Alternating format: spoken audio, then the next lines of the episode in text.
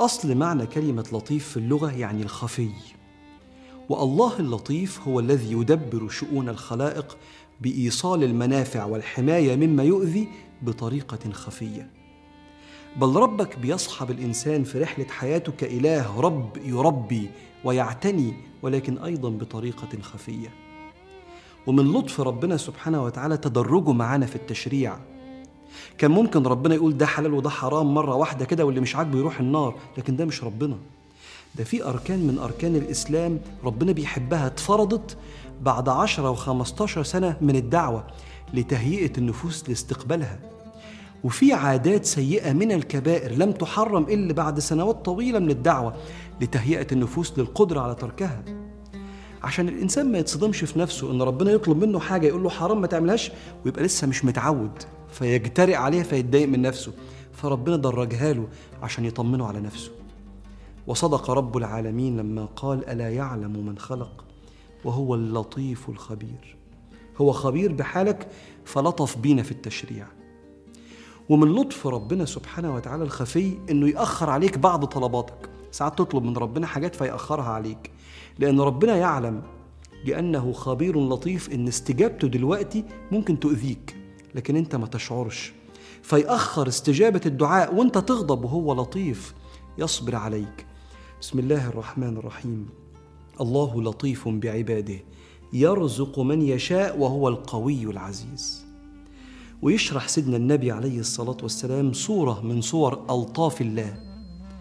لما راح زار أم العلاء وكانت مريضة فقال أبشري يا أم العلاء فإن مرض المسلم يذهب الله به خطاياه. كما تذهب النار خبث الذهب والفضة حتى المرض من لطف ربنا سبحانه وتعالى. وهتدرك ده في حياتك ببركة صبرك على مرضك إزاي ربنا هيبارك لك فيما تبقى من حياتك. وفي الآخرة هتتفاجئ بخفة ميزان السيئات فأكتر لحظة بتتمنى الستر فيها لأن هذا المرض أذهب آلاف السيئات من ميزانك. لكن ربنا سبحانه وتعالى يحبك لا تغيب عن مشاهدة ألطاف الخفية مهما طال أو اشتد عليك البلاء. لأن مشاهدة اللطيف أنس العبد الضعيف. ويحكي سيدنا يوسف كيف شاهد ألطاف الله الخفية اللي ما سابتوش لا في البير ولا في السجن ثم دعا ربنا أن يصحبه بلطفه لغاية ما يقابله. ورفع أبويه على العرش وخروا له سجدا. وقال يا أبت هذا تأويل رؤياي من قبل قد جعلها ربي حقا. وقد أحسن بي. إذ أخرجني من السجن وجاء بكم من البدو من بعد أن نزغ الشيطان بيني وبين إخوتي إن ربي لطيف لما يشاء. إنه هو العليم الحكيم. الناس الطيبين اللي اتعلموا من سيدنا يوسف لما بيمروا ببلاء يقولوا كلمة جميلة قوي يقول لك الحمد لله إنها جت على قد كده. قدر ولطف. يشاهدوا ألطاف الله الخفية في وسط الأقدار.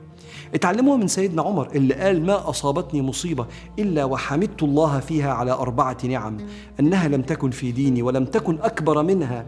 ولو صبرت لأعطاني الله بعدها الجنة وأتذكر فقدي لرسول الله. كأنه يشوف الألطاف داخل المصيبة. ومن عبادتك لاسم الله اللطيف إنك تبقى أنت كمان لطيف مع الخلق ده اسمه التخلق بأخلاق الله. وسيدنا النبي لما كان يبعث الرسل للأقوام كان يقول يسروا ولا تعسروا. لأن صاحب الدين سبحانه وتعالى لطيف مع الخلق وكذلك مبلغ الدين يجب أن يكون لطيفا مع الخلق. ومن لطفك إنك تتقبل خطأ المخطئ لأنه بشر. وتتعامل مع الخطأ بنفسية المعلم لا نفسية المعنف. لأن ربنا سبحانه وتعالى علم الأنبياء كده يتعاملوا مع أقوامهم المشركين بلطف. سيدنا شعيب وهو بيدعو أقوامه يقول إني أراكم بخير وإني أخاف عليكم عذاب يوم محيط.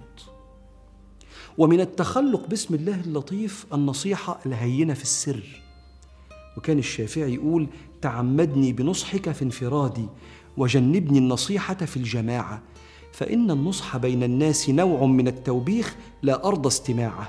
كأنه بيقول لما تنصحني قدام الناس ده عكس اللطف دي قسوة تقفل قلبي وما تشجعنيش على الامتثال للنصيحة. أما النصيحة في انفراد لطف يفتح القلوب. فاللهم يا رب نسألك اللطف في القضاء كما نسألك اللطف بنا إذا أسرفنا على أنفسنا في حقك. كما نسألك اللطف بنا إذا وقفنا يوم القيامة بين يديك.